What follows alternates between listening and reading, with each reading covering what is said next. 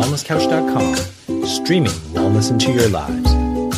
Welcome to Nourishing the Mother, featuring your hosts Bridget Wood and Julie Tenner.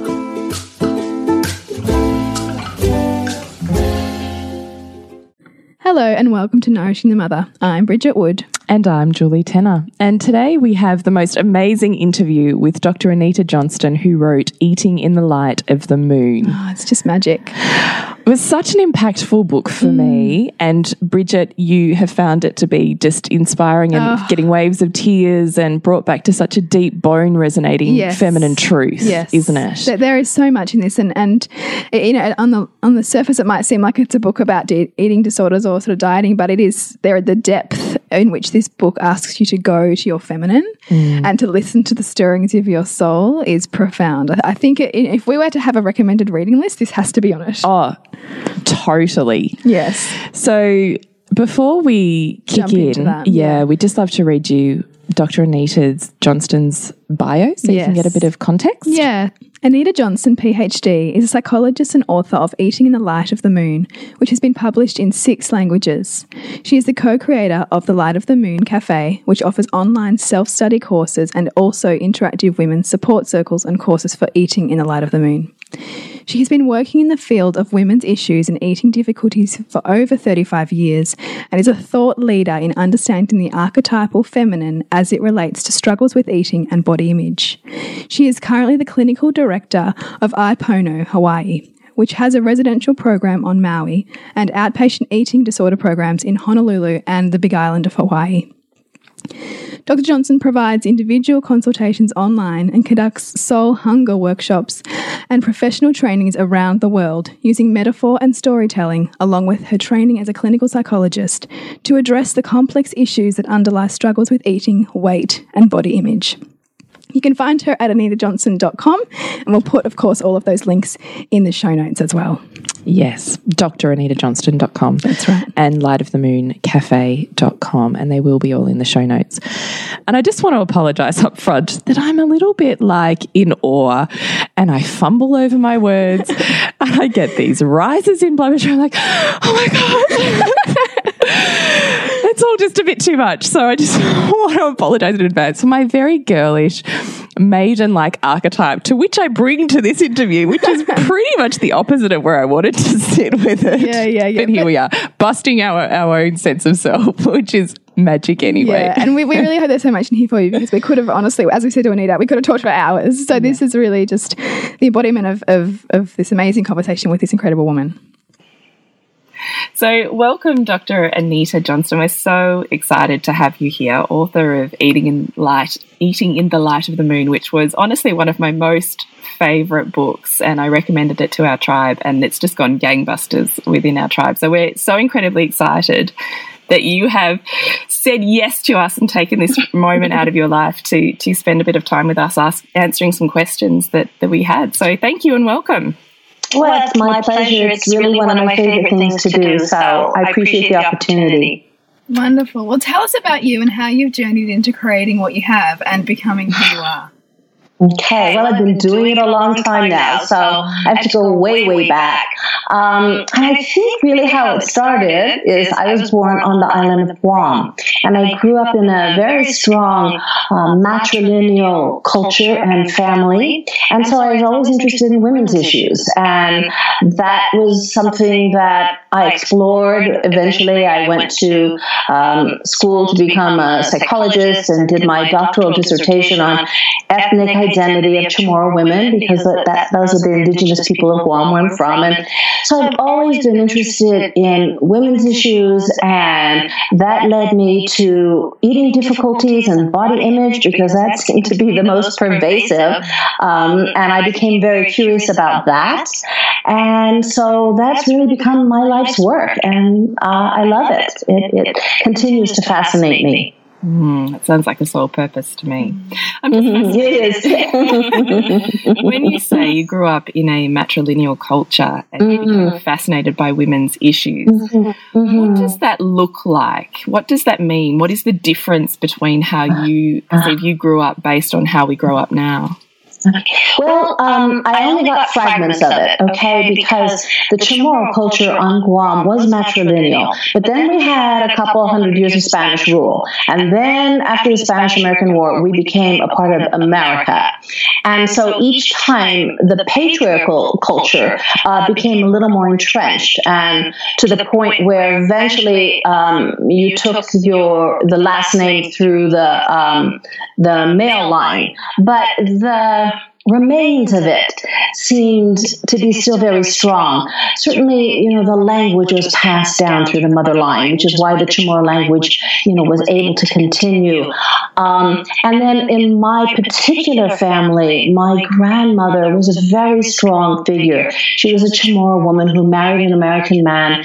And then during World War II, when the Japanese occupied the island for three years, she led the underground resistance because my grandfather was taken away to put in a, a concentration camp. And so I grew up with those stories of this is what women did. And uh, so I thought, oh, okay, this is what women do. And it just seemed natural to me until I started realizing, oh, there's lots of places and there's lots of ways women's empowerment is profoundly discouraged. And so that just became a real curiosity for me. I couldn't help myself to try to figure it out and, and also to um, to a certain extent resist it say no this is not this is not real this is not true this is not uh, healthy mm. there's something in your book about when you talk about this this century, you know, centuries and centuries of mm. feminine repression that really, when you listen to it or read it, mm. it creates like that stirring within. You really mm. feel it, that speaking yeah. spirit, because I think yeah. on some level we feel that, don't we? Yes, yes. It's, it's inside, inside of us because what I what I tapped into and what I continue to to try to tap into is the archetypal feminine, and an archetype was is a term created by uh, Carl Jung and basically, what he said is that just like we have genes for our bodies, um, G E N E S, not blue jeans, right? But genes um, that that we inherit.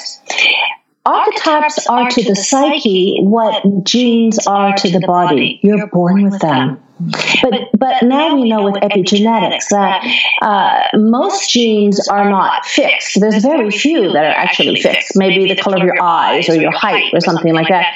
But most genes, before you experience them, they have to be expressed. So, for example, you could have inherit the breast cancer gene, but you will not get breast cancer unless that gene gets expressed, and it can get expressed either internally uh, or externally. So it could be either externally, like exposure to a toxin or internally like some kind of emotional distress. So, so it is the same with archetypes. But what happens with archetypes is they get quickened. And so um, I wasn't aware of that when I wrote the book hmm, 27, 25 years ago. But I recognize now that what I was doing was quickening that feminine archetype.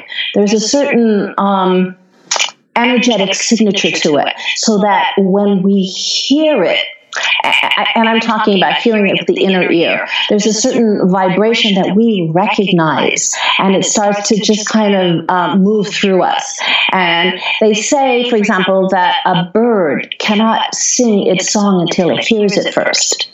And so I think what's happening now with the feminine is it's being quickened in men and in women. But because women are the embodiment of the feminine, we feel it in our bones. Uh, we feel it in our in our womb, right? We we um, there's a kind of recognition that I think we have access to a little more quickly, simply because we we we have that body. Maybe this is a good time to ask you a question that I had here, which is within your book, you focus on the polarities of feminine and masculine. Mm-hmm. And I wondered why you felt this was really important for women to know and understand. Well, because um, when you when you uh, grow up in a patriarchal culture, what what the patriarchy is is it's really not just men, okay? It's the masculine principle dominating the feminine principle. So when I'm talking about principles, I'm talking about a kind of, uh, and it's a, a, polarity that exists within all of us, regardless of your gender. Um, uh, it's it's in Asian cultures, it's called yin and yang.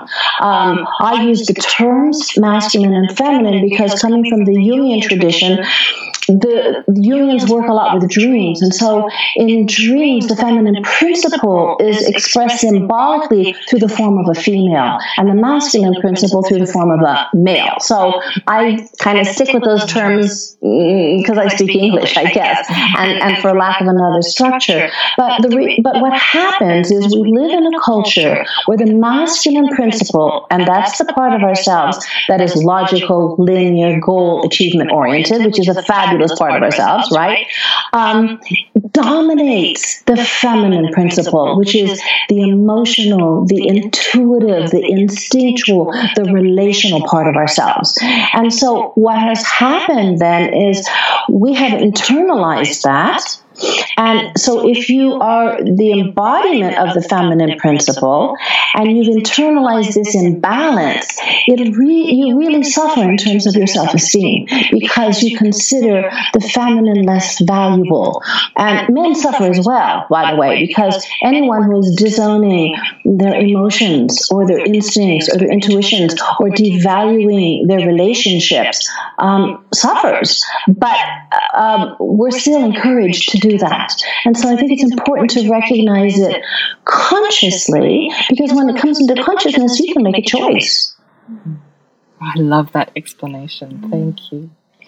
I wondered also why your fascination with eating disorder, disorders and why you've ended up focusing so much of your life's work there. Yeah, I I'm not sure. Um, other than because I did not have an eating disorder myself, but I should have. Uh, I have the right personality, and um, but I think it's because of the way I grew up. So I just missed the whole dieting wave, uh, and in fact, I wasn't sure because Guam was a little behind everybody else. Thank goodness. So I, I was getting together with a girlfriend of mine, and you know we grew up in the in the fifties and sixties, and um, on Guam, and I said, you know, I, I I don't know if this is my imagination but I don't remember our mother's dieting. I don't remember dieting being a thing. She goes, no, my mom didn't diet. So that wasn't that wasn't the thing. Now my younger sisters did not escape this, but I did.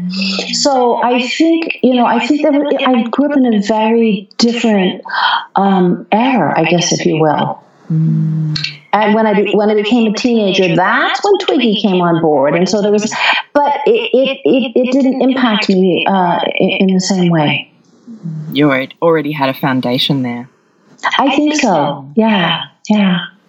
Why also is story important? Obviously, throughout your book, you mm-hmm. use story mm-hmm. as a way of mm-hmm. entering a topic and through metaphor. And it's so beautiful because I just found myself completely and totally captivated. and it's like you then come back through the story by pulling out the points to make, and you go, oh my gosh, yes.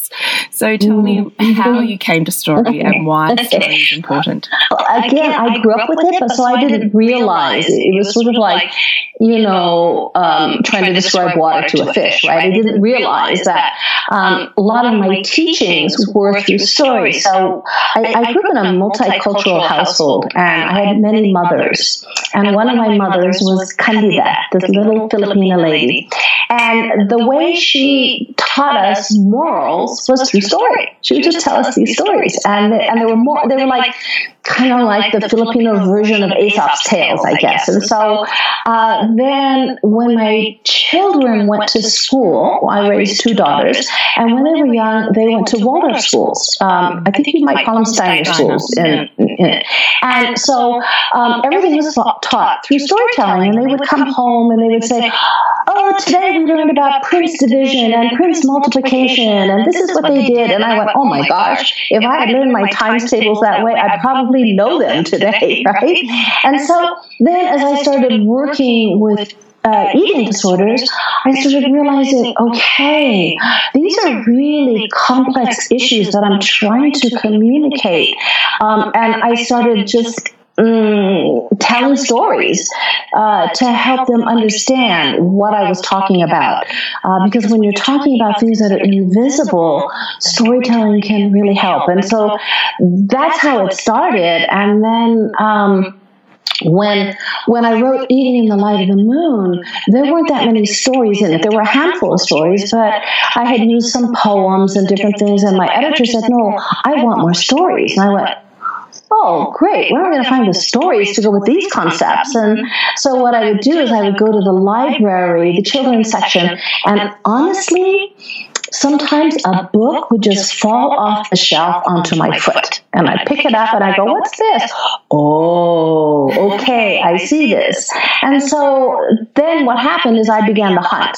And and I would look for stories that spoke to me. If if it, if something again, if something resonated within me, I could feel it. I could go, oh. oh. And then I started realizing, wow, these old stories, they're coded because you know back in the day, women were burned at the stake for their wisdom, right? So so and and not only that, you know, it wasn't until what several hundred years ago that they could even read. So a lot of information was passed down in story and it was coded.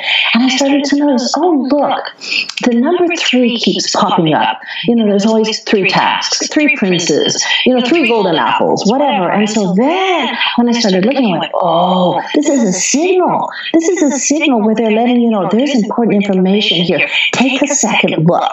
But you have to take a second look with your insight, right? Your inner eyes, not to, to really um, get a sense of, okay, what is it? There's something important here. What is it they're trying to say? So uh, this excites me, as you can tell. And so I've just stayed with it. Oh, I think that's magic. it is magic. I just wanted to read a short paragraph from your book, and then I'd just love you to expand in any way you feel called upon that. Mm -hmm. Someone who is addicted to eating is actually starving on a spiritual and emotional level. Her longing for food is a longing for emotional and spiritual nourishment. It is often a longing for the ideal mother, the archetypal good mother who nourishes us, soothes us, and loves and accepts us just as the way that we are. Frequently, this is the something she, she excuse me, frequently this is the something she searches for as she stands in front of the fridge. Mm. Well, yeah, because what I've noticed was that people who are struggling with any kind of eating difficulty, they have a hunger, but typically the hunger is for mother-ing, which is archetypal, which is a verb, not a noun, not a thing, not a person. But, you know, we live in a culture that's so literal that um, we feel the stirrings of that. And so we might turn to our biological mother thinking, okay, I need to be nurtured or comforted or soothed. Um, and, and maybe we find them lacking in some way, or maybe your mother is dead, or, or maybe she just doesn't know how to do it, or maybe she doesn't do it the way we want it, or there's any gazillion things that could go wrong, right? So that we don't get that that soothing and that nurturing, and, and because it's an it's a state of being. It's an energetic. It's not a thing. But we don't know that, right? So we reach for the concrete physical symbol of mother-ing energy, which is food. And, and it's no wonder that that is why we would do that, because if you think our first experience on the planet of being in distress, ah, right? We're given the breast or the bottle. And so right there, that gets connected for us, because then we go, Oh, yeah, we feel that state of being soothed and comforted. So, um, but because we grew up in a literal world, um, we don't recognize that that's an that's an archetypal, energetic state of being that we can access in a lot of different places, and we get stuck so um, it's a hunger that, again, we're not given a lot of certainly um, words to describe the different kinds of hungers we experience.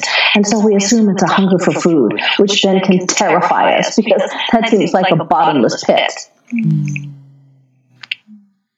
Yeah, book really spoke to me from the perspective of, you know, going into it, I haven't experienced either like you any eating disorders or, or dieting kind of issues. So I really read the book with a with a, an open mind as to what is there in this for me, and there is so much beyond you know this, this, mm. this topic of eating disorders because it is about the hunger you know and yes. you really call us to tap into the hunger of the feminine and mm -hmm. to listen mm -hmm. to mm-hmm. the stirring of the spirit was that really mm-hmm. your objective too was yes. to make it relevant yes. to all women that was my objective. It was a little subversive, right? I understood, okay, this is a portal through which I can go through. But I remember my sister saying, and so this book's not about eating disorders. I said, yeah, I know. but it was like, how, you know, remember, I, I started writing this 25 years ago.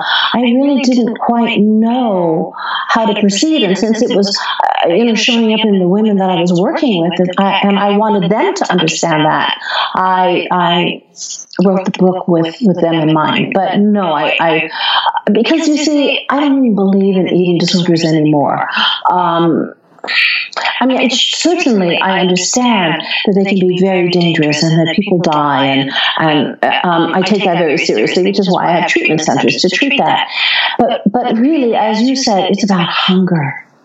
and it's about hunger for the feminine principle in, in many different ways. Um, one of my very favorite workshops that I do is the Four Faces of the Feminine, which has to do with the maiden and the mother and the queen and the crone because these are archetypal energies that are available to us regardless of our age. Uh, mothering energy is important to anyone who wants to create and nurture a book a project, you know, uh, an adventure. So, so you know, it's it's a um, an important facet of the feminine that again because we grew up in, a, in, in, the patriarchy a lot of us have missed out on recognizing that or even knowing how to access it and, and, and use it for our own personal or spiritual growth. I just had another you know part of your book which is to do really mostly with women's sensuality and sexuality that i found really fascinating and it's a two part question, but I'll start with part one and then you take it wherever you want to go. So, what I wondered was you posed this question of what happened to the girls who dreamed of becoming mermaids. Mm. Why are we frightened or repulsed by our sexual nature? Why do we reject the most womanly aspects of our womanly bodies? Now, part two is of this question, and then would you like me to read that, or would you like to just roll with that first question? We'll go with the second, and then we'll see what, what, we'll see where it takes us. Mm -hmm. That compulsive eating or starvation may become a way to distract ourselves from our feelings. Why is a woman's sexuality or sexual story part of this? So the sentence I have here is again, food may be a way to insulate, hide, or suppress her sexuality, or she may begin to diet in a vain attempt to reclaim the girlish body that no one noticed that caused her no problems. So, I guess with both of these, I find it a really fascinating underpinning in terms of, which is certainly what Bridget and I believe, that there's so much of how we emerge into this world as women and our sexuality that is suppressed, repressed, yeah. or you know ill expressed let's yeah. say that seems yeah. to depend so much yeah. on this hunger and i would just so yeah. love you to take this wherever you like okay. we're thrown into the deep end right where we have to swim as best we can because there's very little support for that remember that uh, the components of the feminine principle are emotions intuitions instincts right so our sexual instincts um, are powerful and beautiful, but the whole world is afraid of feminine sexuality, right? We've got governments terrified. We've got religions, men, women, all of us. We're so scared of it because it's probably the most powerful force on the planet, right? The power to create life. Are you kidding me? You know, to sus- and sustain it. Um, it's awesome, but because it's been um, people are too afraid of it, so none of us are taught how to handle it. Right? Um, you know, if you're lucky, you get some, you know, superficial sexual education at school. But that mostly, again, because it's, it's the patriarchy, is all about how girls need to squash their sexuality so that boys won't get distracted from their studies, right? That's why we have dress codes. It's like, wait, wait, wait, what is that about? So you can see how none of us, and, and sure, it's easy to blame our mothers and say, well, why didn't they? Or why did they say this? Or it's like, well, whoa, they had it worse than we did. And so it's almost like, and then you see those that'll just grab it. It's like grabbing a sword by the blade, right? It's like, well, I'm taking this on, and then getting wounded, or, or you know, it's like, um, there's there's so little support for this, and I really don't have answers. You know, I grew up in this culture. I'm doing the best I can too um, by questioning this. But I was in Greece. I did a retreat to Greece um, a couple of years ago.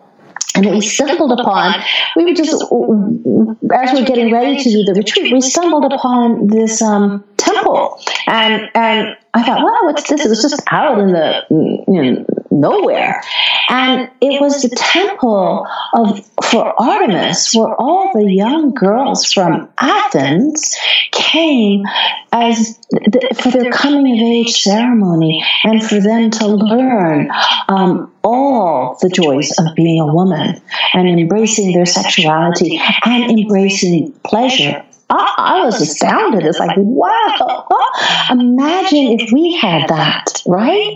Um, it would be it would be nothing like camp, right? Going, okay, now I'm going to camp, right? It's like, no, this is like profoundly sacred way of addressing sexuality, um, and so that again, so that it's in your bones. This is beautiful and precious, not dirty and and and um, uh, scary, right? Um, it, it'd be handled not just by the girls, but by everyone as as the awesome, awesome thing that it is. And um, so I, am I'm, I'm fascinated by this. I see that um, a hunger for sexual expression is one of the hungers that people try to deal with um, through eating difficulties. Um, um, certainly, um, it affects negative body image, right? If if you know uh, coming into puberty um, and you've been shamed for that, and frankly, um, most of us have, right? Imagine, just think about, hmm, when you were young and, and you just started your period and you're wearing white and it bled through. Oh my God, you know, the shame, the shame. It's like, wait, wait, why aren't we in awe of this? Why are we scurrying and trying to hide it? And, you know, they say there's two kinds of secrets those that are sacred and those that are shameful. And I believe in the absence of something being treated as though it's sacred, it becomes shameful. And there you go, right? I'm just curious how did this influence how you brought your own daughters into their coming Pretty profoundly. So, when my oldest daughter was going into fifth grade, I decided I wanted, well, no, sorry, take that back. Much younger, uh, I wanted my girls to have a different understanding of their menstrual cycle. So I um, tried to find a, a, fairy tale that I could tell them because they were young, right? I knew that the culture was going to get to them very early on. So I, I, I, tried to find a fairy tale that would explain and I couldn't. So I wrote the story myself. And I remember when I was driving my car and the story came, and I tried to drive and write at the same time. Um, and so it was a fairy tale about what it means and the and the power that comes with getting a menstrual cycle. And so when my I remember my younger daughter was oh, she was around four, and I'd already told the girls the story multiple times, and she walked into the bathroom and I had my period, and and she said oh, mommy, are you in your moon time? And I said, yes. And she said, you're in your power time? I said, yes. And she said, um, I going to get this? And I said, yeah, all girls get this um, when they get older. And she said, you mean my power is inside of me waiting to come out? Yay! Now, now, now to all you mothers though, don't get too excited because I'll tell you, fast forward, right? So then when my older daughter was in fifth grade i started doing mother daughter teas for her for the fifth grade class with all the girls. And and i would invite their mothers and we my girlfriend and i would put together these elaborate tea parties with our with our battenberg lace tablecloths from our mothers and our laura ashley tea sets. And we made cookies new moons for the girls and full moons for the moms. And we put on classical music and everyone dressed in their sunday best. And and we served these cookies. And then i told that story and after I told the story, we did a guided imagery where the mothers got to remember the day of their first cycle. And the girls got to imagine, because this is just fifth grade, how they would like to spend that day for themselves. And then afterwards, we pass around a bowl of rose petals where the mothers tell their story. The girls don't want to talk because they're sitting around the table, mother, daughter, mother, daughter, mother, daughter, mother, daughter. and the girls pass on that rose petal because they're still in that kind of silly, giggly thing. But then when the mothers speak and when they start to share their stories, we enter sacred space. Because um, the, the, the Japanese woman talks about how the rice was served red at the dinner table. And the, some of the women's stories were sad, some were scary, some were funny. And the Korean woman talks about how they collected a special cotton for the pads. And the Jewish woman tells about the slap. And all of a sudden, the girls realize, whoa, they're part of something bigger that they ever, ever imagined. And they're not burdened if their mother had had a very scary painful, difficult first menstrual period. So at this point, now I've got them, right? like, okay, now we're in sacred space. And then I have them divide up into just mothers and daughters facing each other. And the girls don't um, the, the, mothers don't get to speak, only the girls. And they get to tell their moms how they want to spend the first day of their cycle. So over the years, I did this for like seven years. It was a labor of love. Um, and I, I, had mothers write me letters years later that said, you know, and, and, and they were some of the mothers I was kind of afraid of. They grew up in fundamental Christian households where I thought, whoa, I might be treading on, you know, um, um, areas that might offend them, but they were typically the moms that would write to me and they would say thank you because that opened the door for us to talk about sexuality. And I don't know how that door would ever have been opened otherwise. And so now, fast forward, uh, when I, when my daughters, you know, I would have them, you know, choose how they wanted to spend the day. And my older daughter, she just she just wanted to sit under a plumeria tree which was where all her pets had been buried over the years. It was kind of a little sacred place to her, and bring all her stuffed animals um, and eat an orange. that's what she wanted, so that's what we did. Well, my younger daughter, the one that had said, "Oh, is it my power time?" When it came her time, she was, "Mom, mom, uh, mom, I don't want anything. I, I don't want a party. I don't, mom, I don't don't want anything. and I honor that as well.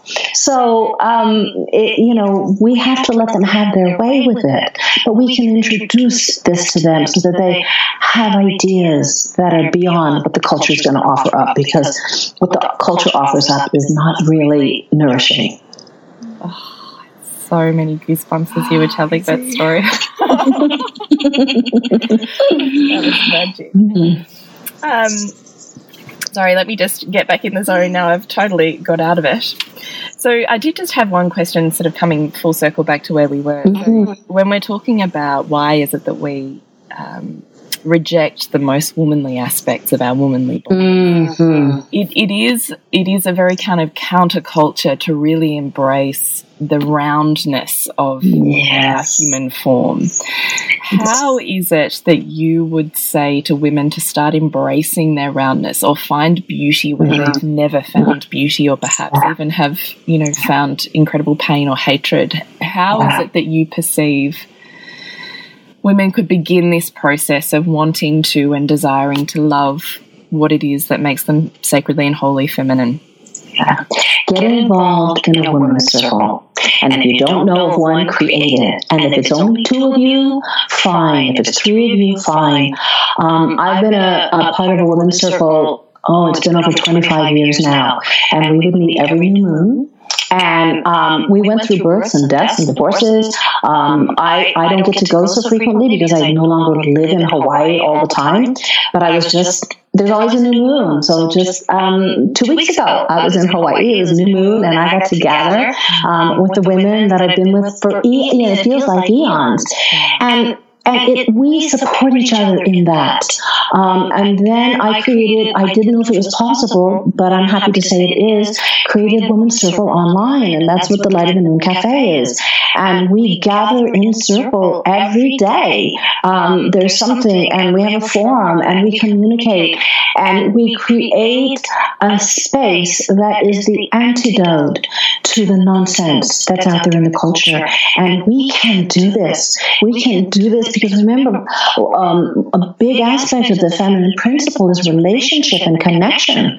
And so um, when we can connect in that way and fully support each other, magic happens. And part of the magic is learning to love and embrace your body in ways you never thought possible. Um, and because, you know, the patriarchy says, well, you know, lose a few pounds, get a six pack, uh, buns of steel, thighs that don't touch. That's how you love your body. And it's like the biggest crock of BS because it'll never happen that way. And and when women come together, um, they reflect back to each other all different kinds of beauty, the diversity. You, know, just like you know, with a whole bunch of different dogs. Nobody says, "Why is that Saint Bernard so big? It should be looking like that Chihuahua over there." Or you know, when women, you know, it's like when women get together in this way, you see the beauty of of um, the diversity, and and you hold it because it's too hard for us to hold it by ourselves. Um, and so I think women gathering is, is critical. Oh, makes me want to cry. I'm so grateful because I did read your, about your cafe online, and I just thought that is the most extraordinary space because it's one of the issues we have as well is mm -hmm. an online community. And yes. so this concept of being able to gather has to transform. Yes. And so I completely yes. adore the fact that you have opened up mm -hmm. and mm-hmm. offered this space for mm -hmm. women to immerse themselves in a women's circle where they might be really mm-hmm. remote mm -hmm. and they have no one around them or they right. don't have the ability to leave the house because they're single parents or dad works right. away or right. just what an incredible space you have created created. Yeah. And, and, I didn't know it was possible. I mean, we create an altar every week. We put an item on the altar to represent something.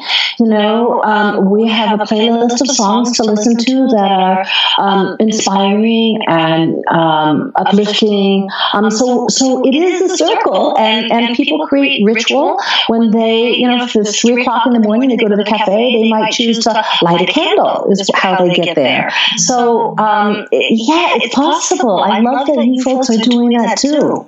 Well, yeah, I mean, yeah, but I also wanted to say that because you know we do have women who say we run sort of courses throughout the year, but women who mm -hmm. are mm-hmm. seeking that online or in person mm-hmm. experience, it's such a wonderful opportunity that they have to really connect with you and a body of women who can really hold that space of walking into their feminine. I think it's an incredible mm-hmm. gift. I really wondered one of the questions I have two left before we move into our quick fire is what is it that you wish women who are struggling with food to know? Well, that is not about the food. And, and, and, and, but it is a paradox. It's not about the food and it is about the food. The struggle with food itself is a path to greater consciousness. It will take you where you need to go once you understand it and look at it in a different light. There's a Zen saying that says, Don't get stuck looking at the finger pointing to the moon. Look at the moon. So what happens is when you learn to look at it in a different light, you realize that maybe your tendency to binge is pointing you towards where you experience scarcity in your life and, and where there's never enough. It's not just never enough food, never enough money, never enough time, never enough love, never enough attention. Or, or if you tend to restrict food, where, in, where do you feel that life is too much or you're too much and it's too much to handle? Or if you yo-yo diet or binge and purge, look to see the areas in your life where you just take on too much too quickly, can't assimilate, got to get rid of it. So it's a paradox is because you put one foot in either world, knowing that the food is just the concrete symbol that is pointing you towards a life beyond your wildest dreams. And I mean that with every uh, fiber in my body. The women I've worked with who have gone this recovery path, um, are extraordinary. And the gifts that they bring to the world are gifts that the world couldn't get any other way. So that's why I continue to do the work I do. People can totally, if they're in a full blown eating disorder, they can totally, completely recover. If they're struggling with eating or, or body image difficulties, it's a path to greater consciousness, to embracing the reality and the fullness of who they really are. And it's beautiful. Oh my goodness, I could listen to you forever. the last question I had was no, really. What would you wish your own daughters to know about life as a woman, about her body, and about her sexuality?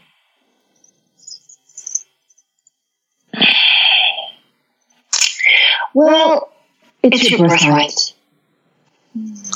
Um, that it's our birthright to experience our bodies in a pleasurable way and that includes sexual pleasure as well as all different kinds of movements.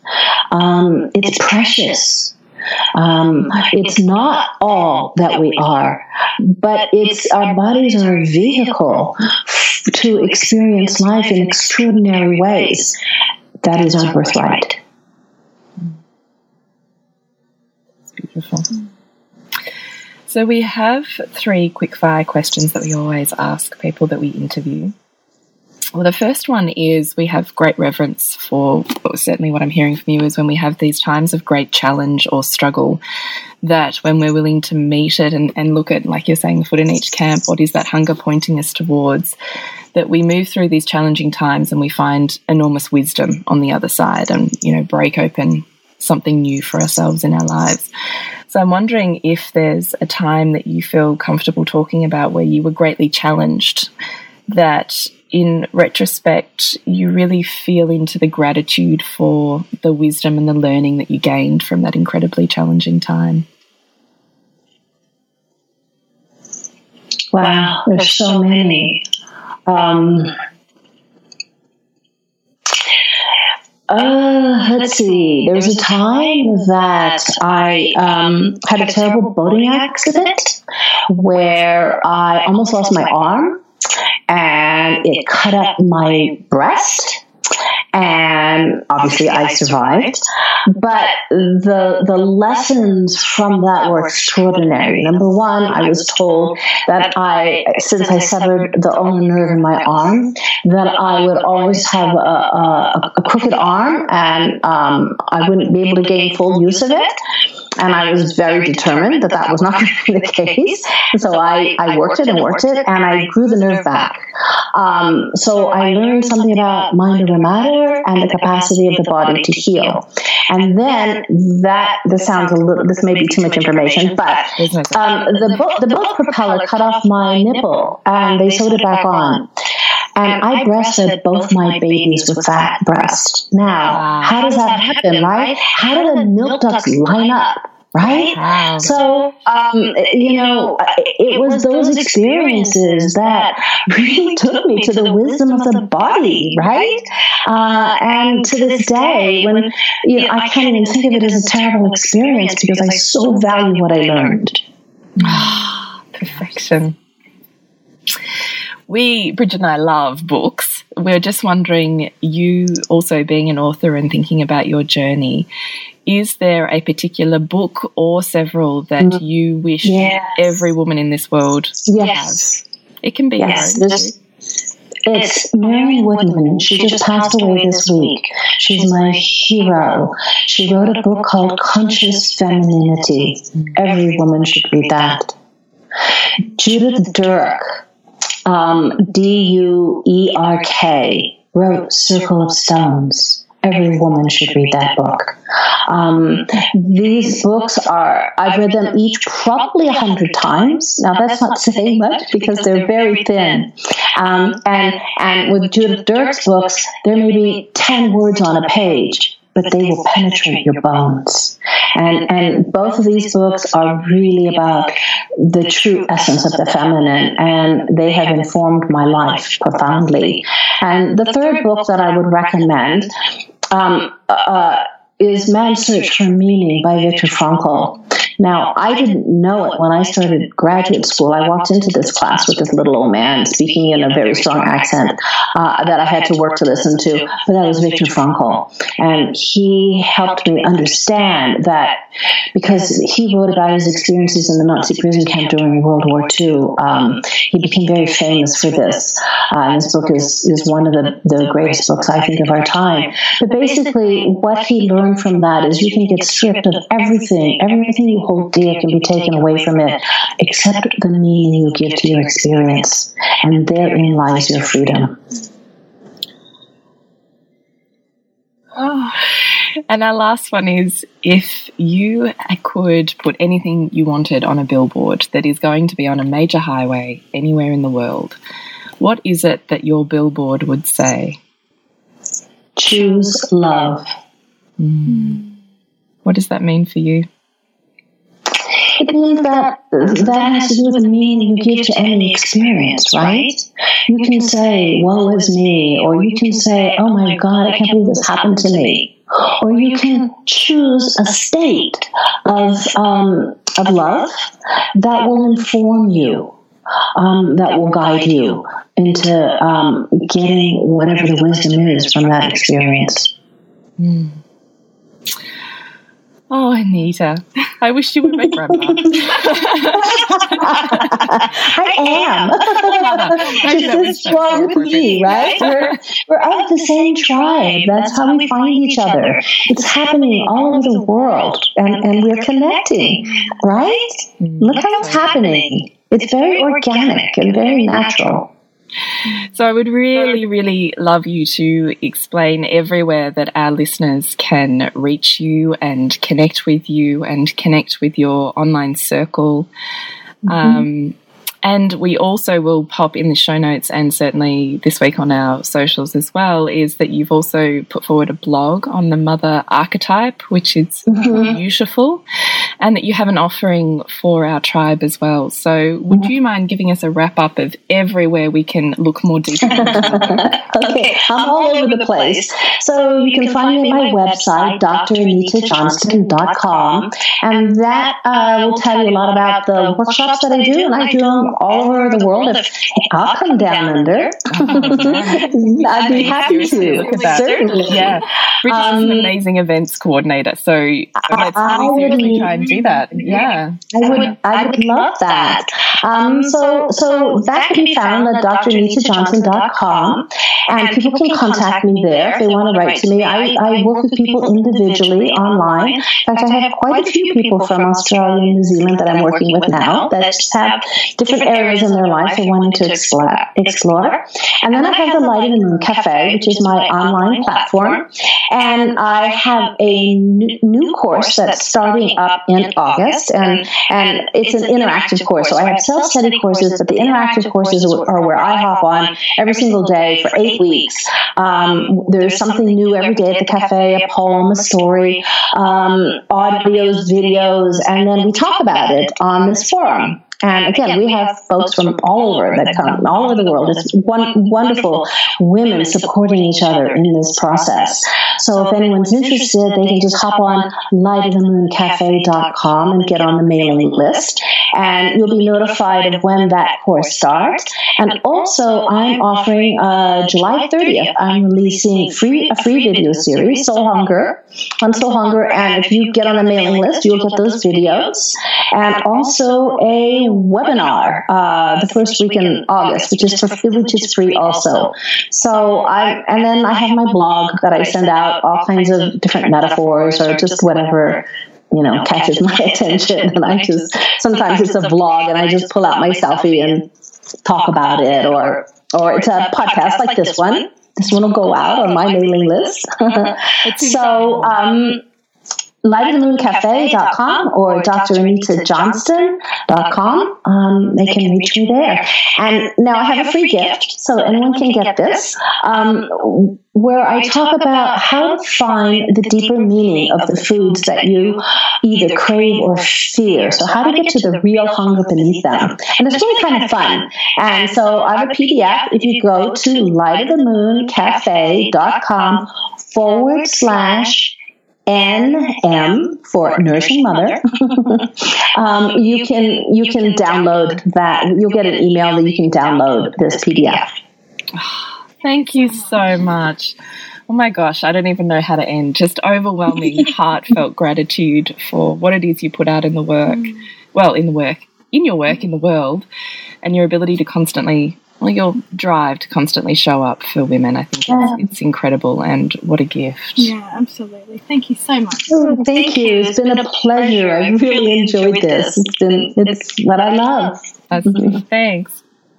Mm, bye bye. We so hope you enjoyed that interview with Anita Johnston. And as she said, she's got a free gift for all of our listeners. So please go to lightofthemooncafe.com forward slash NM for your free video series. And you can connect with Anita via the links that we'll put in the show notes, as well as all of your usual social media places. So Twitter, Pinterest, Facebook, Instagram, and LinkedIn. Yes. Ah. and we should probably say to connect with us yeah, we should. When I come but out of my ore bubble. But we're, but we're still kind of there. So. is nourishingthemother.com.au. You can connect with us on socials through Instagram and Facebook at Nourishing the Mother. We do really love any of your feedback, your private messages and emails that say, We loved this, this is amazing, this is happening in my world, mm. this is mm. resonating, and certainly topic suggestions as well.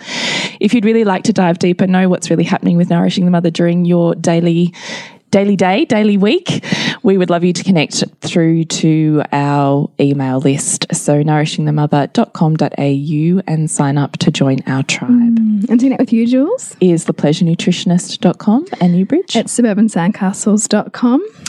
And as if there was a better podcast in which to say, mm. in order to rock the family, you have to nourish the mother. Yes. And this is definitely the case, particularly when we're talking about the mothering or mm. inner mother archetype, which you can also head to our blog where Anita has done a guest blog post on this as well. Yes. So we'll see you next week when we continue to peel back the layers on your mothering journey.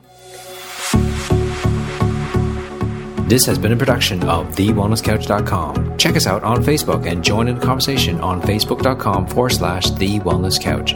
Subscribe to each show on iTunes and check us out on Twitter. The Wellness Couch, streaming wellness into your lives. Whilst the Wellness Couch presenter endeavor to provide accurate and helpful information to their listeners, these podcasts cannot take into account individual circumstances and are not intended to be a substitute for health and medical advice from a qualified health professional. You should always seek the advice of a qualified health professional before acting on any of the information provided by any of the Wellness Couch podcasts.